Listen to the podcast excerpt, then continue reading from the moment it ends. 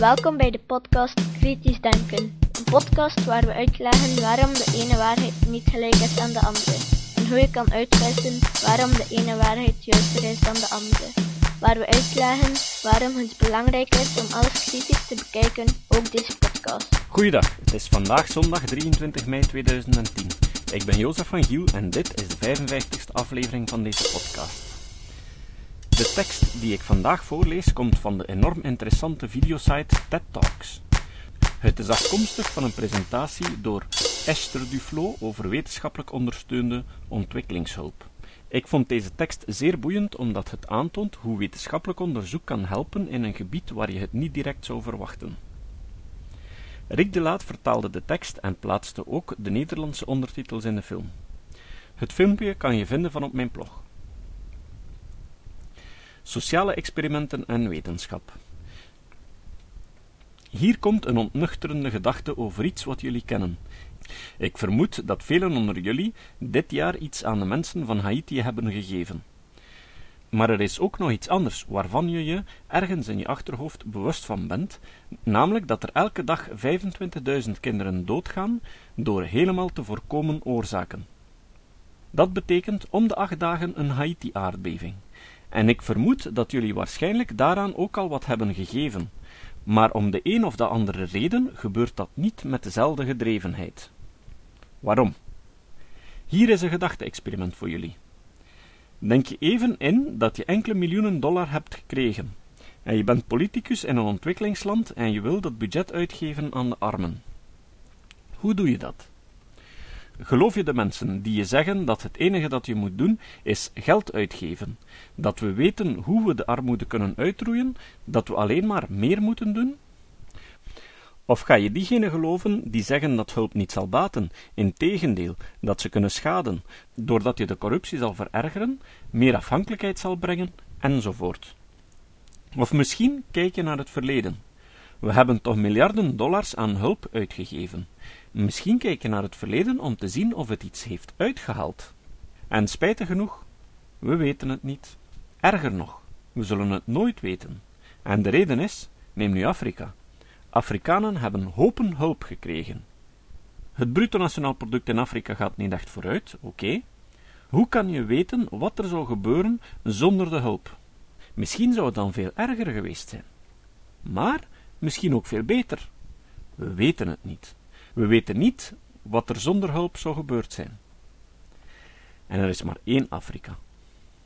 Wat doe je dan? Geven en hopen en bidden dat er iets goeds uitkomt? Of ga je gewoon door met je leven en laat je elke acht dagen een aardbeving gebeuren?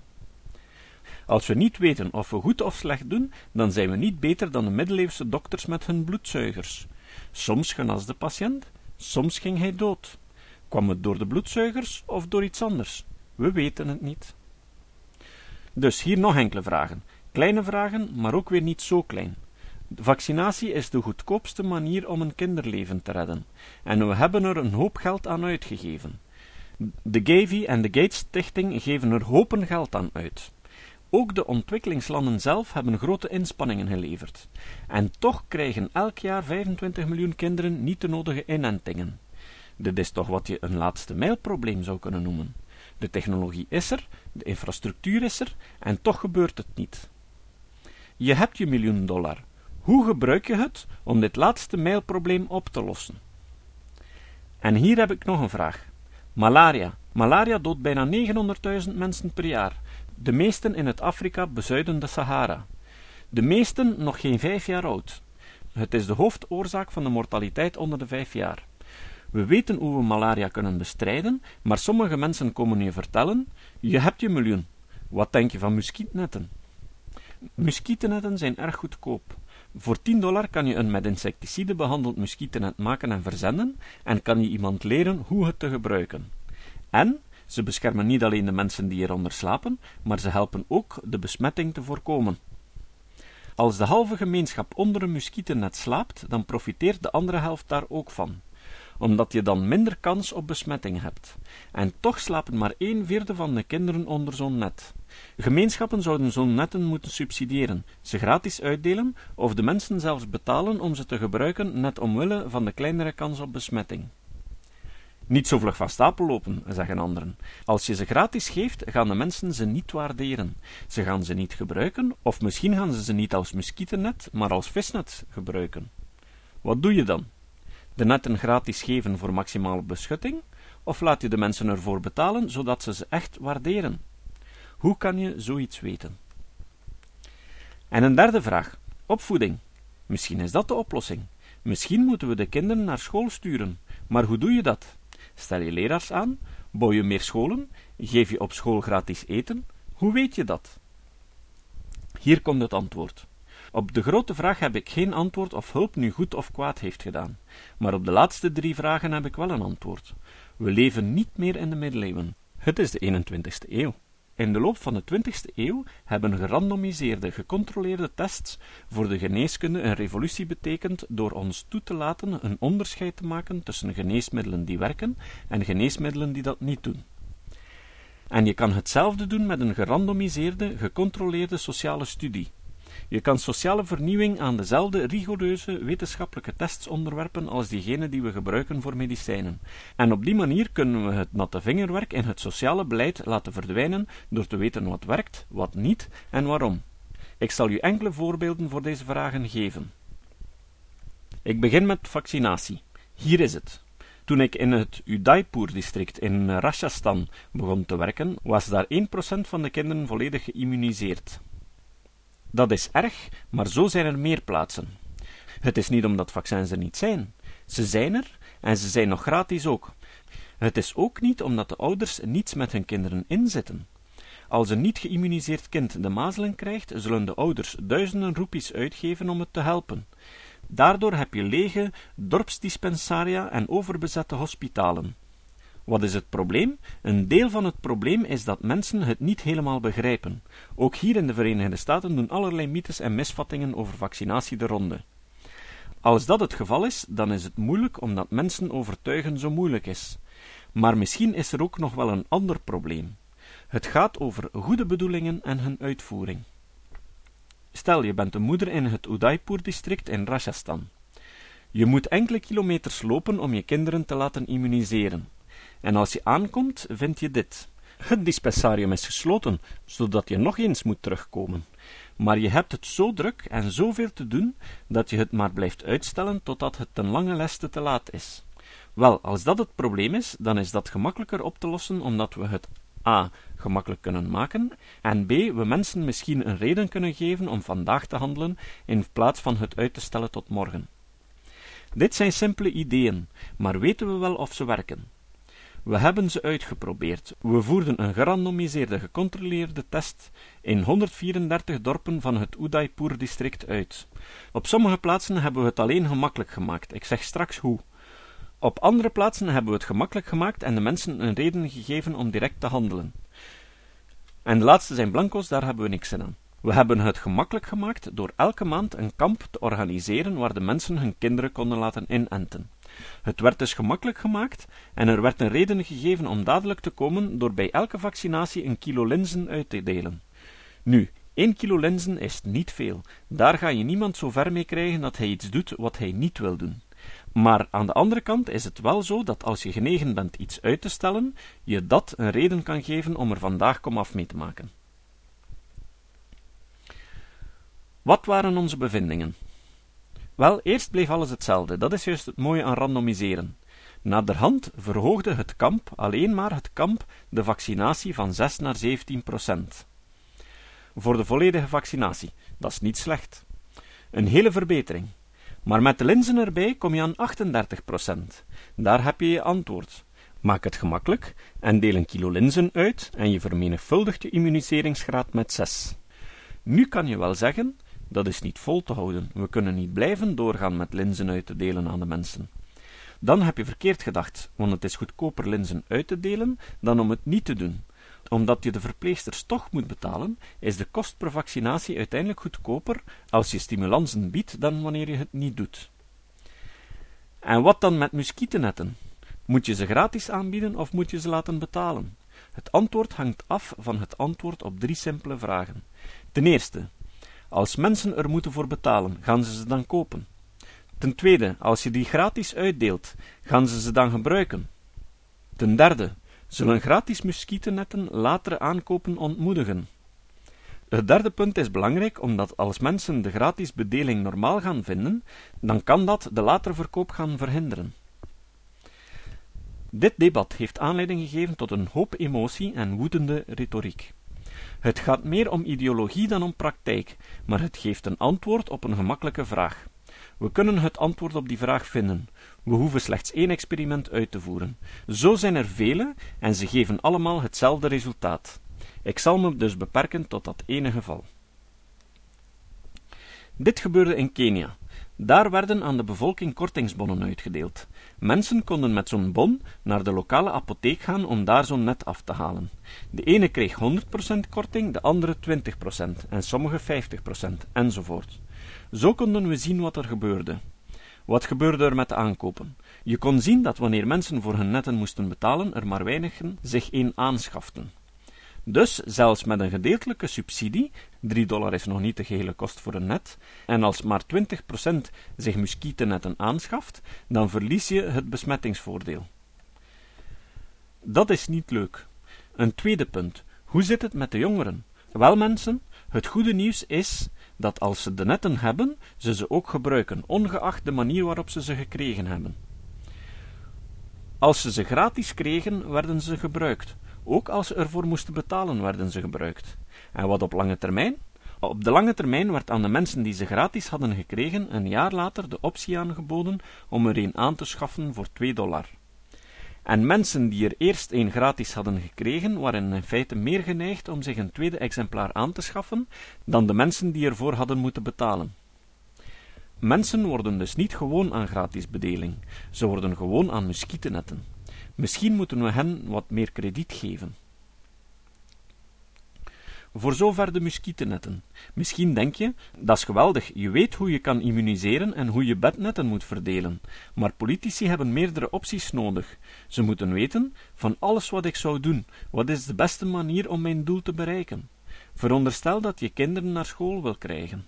Je zou zoveel kunnen doen. Je zou hun uniformen kunnen betalen, je zou geen schoolgeld kunnen vragen, je zou latrines kunnen bouwen, je zou aan de meisjes maandverbanden kunnen uitdelen, enzovoort, enzovoort. Wat is dan het beste? We zouden kunnen denken dat dat allemaal zou kunnen helpen. Maar is het genoeg dat als we intuïtief denken dat ze werken, we er ook zouden moeten voor gaan? In de zakenwereld zouden we het zeker zo niet aanpakken. Neem bijvoorbeeld het goederenvervoer. Voordat er kanalen waren, werden in het Groot-Brittannië van voor de industriële revolutie goederen per paardenkar vervoerd. Toen er kanalen waren, kon je met dezelfde menner en hetzelfde paard tien keer meer vracht vervoeren. Hadden ze blijven doorgaan met het goederenvervoer met paardenkarren, hoe ver zouden ze dan hebben gebracht? Wel, als dat het geval geweest was, dan zou er geen industriële revolutie hebben plaatsgevonden. Waarom zouden we niet hetzelfde doen met het sociale beleid? Bij technologische ontwikkelingen steken we zoveel tijd in het experimenteren, het op maat maken, het zoeken naar de goedkoopste manier om iets te doen. Waarom zouden we dat dan niet doen met ons sociaal beleid? Met experimenteren kan je antwoorden vinden op eenvoudige vragen. Veronderstel dat je 100 dollar hebt te vergeven aan allerlei tussenkomsten. Hoeveel extra jaren opleiding krijg je voor die 100 dollar? Nu ga ik jullie aantonen wat je kan bereiken met verschillende educatieve tussenkomsten. De eerste zijn voor de hand liggende methodes, zoals leraren aanstellen, schoolmaaltijden, schooluniformen, studiebeurzen. En dat is allemaal oké. Voor je 100 dollar, daar koop je 1 à 3 jaar opleiding voor. Wat niet zo goed werkt, is ouders omkopen. Juist omdat er al zoveel kinderen school lopen, eindig je met pakken geld uit te geven. En hier zijn de meest verrassende resultaten. Vertel de mensen gewoon de voordelen van een opleiding. Dat is nog goedkoop ook. Door daar 100 dollar aan te spenderen, krijg je 40 jaar extra opleiding. En, daar waar je wormen, ingewondswormen vindt, genees daar de kinderen van hun wormen. Als je daar 100 dollar aan uitgeeft, levert je dat 30 jaar extra opleiding op. Met intuïtie alleen raak je dus niet ver. Hiervoor zouden mensen niet zijn warm gelopen, en toch zijn dit de programma's die werken. We hebben behoefte aan dat soort informatie, meer en meer. We moeten het beleid sturen. Ik begon dus met het grote probleem en kon er geen antwoord voor vinden. Maar door in te gaan op de kleinere vragen kon ik er antwoorden voor vinden. Het zijn degelijke, wetenschappelijke, robuuste antwoorden. Laat ons even voor een ogenblik terugkeren naar Haiti. Daar gingen ongeveer 200.000 mensen dood, eigenlijk nog wat meer volgens de laatste statistieken. Het antwoord van de wereld was grootmoedig. Alleen al de laatste maand werd er 2 miljard dollar gestort. Dat komt neer op 10.000 dollar per dode. Dat lijkt niet veel als je erover nadenkt, maar als we dat bedrag zouden willen spenderen aan elk kind onder de vijf jaar dat sterft, dan zou dat neerkomen op 90 miljard per jaar voor dat probleem alleen. En toch gebeurt het niet. Waarom niet? Wel, ik denk dat dat deels komt doordat in Haiti, al is het probleem daar groot, we het op de ene of andere manier kunnen bevatten. Het is gelokaliseerd. Je geeft geld aan Dokters zonder Grenzen, je geeft geld aan Partners in Held, en ze sturen dokters en ze sturen timmerhout, en ze vervoeren zaken per helikopter. Maar het probleem met armoede is anders. Het is om te beginnen onzichtbaar. Daarbij is het reusachtig. En ten derde weten we niet eens of we wel juist handelen. Er bestaan geen wondermiddelen. Je kan mensen niet uit armoede weghelikopteren, en dat werkt frustrerend. Maar kijk eens naar wat we vandaag hebben gedaan. Ik gaf jullie drie eenvoudige antwoorden op drie eenvoudige vragen. Geef linzen om mensen te immuniseren. Deel gratis muskietennetten uit. Ontworm kinderen. Met immuniseren of muskietennetten kan je voor 300 dollar een leven redden. Door te ontwormen kan je voor 3 dollar een extra jaar opleiding kopen. We kunnen armoede niet eensklaps uitroeien, maar we kunnen eraan beginnen. En misschien moeten we kleinschalig beginnen met zaken waarvan we weten dat ze werken. Zie hier een voorbeeld hoe effectief dit kan zijn. Ontwormen. Wormen halen niet gemakkelijk de voorpagina. Mooi zijn ze niet en ze zijn ook niet dodelijk. Maar toen de wereldjongerenleider in Davos deze aantallen die ik liet zien aan het publiek toonde, startten ze daar de Deworm the World actie. En dankzij Deworm the World en door de inspanningen van vele regeringen en stichtingen werden in 2009 20 miljoen kinderen van schoolgaande leeftijd ontwormd. Dit is dus krachtig bewijsmateriaal, het kan aanzetten tot actie.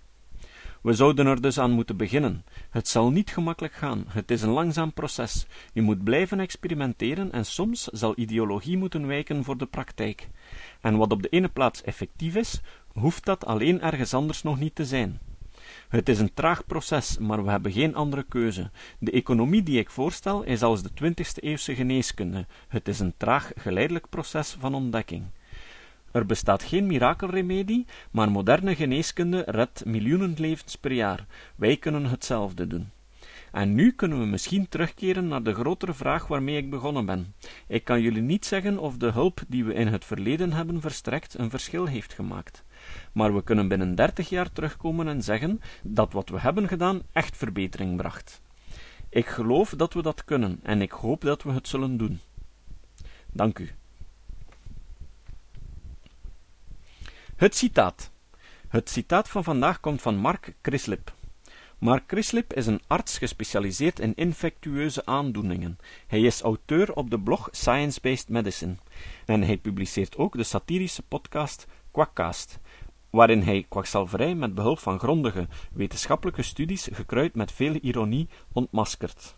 Mark Crislip zei: Volgens de onderzoeken is homeopathie even effectief als een placebo. Een placebo is even effectief als niets doen. En zie daar, we hebben een nieuwe similiewet. Tot de volgende keer. Dit was de podcast Kritisch Denken. Vergeet niet om alles kritisch te behandelen, ook deze podcast. Voor verdere informatie over deze podcast, links en voor de tekst, surf naar www.kritischdenken.info. Als je deze podcast belangrijk vindt, dan kan je me steunen door andere mensen warm te maken ook eens te luisteren. Stuur een e-mail naar je vrienden met een link naar mijn website of plaats de link in de handtekening van je e-mails. Kan me ook steunen door op iTunes deze podcast een goede beoordeling te geven of een recensie te schrijven. Of je kan op je eigen website of blog een link naar mijn website plaatsen. Hoe meer links, hoe sneller je gevonden wordt op Google. Dat kan beloond worden door een link naar jouw website bij mij.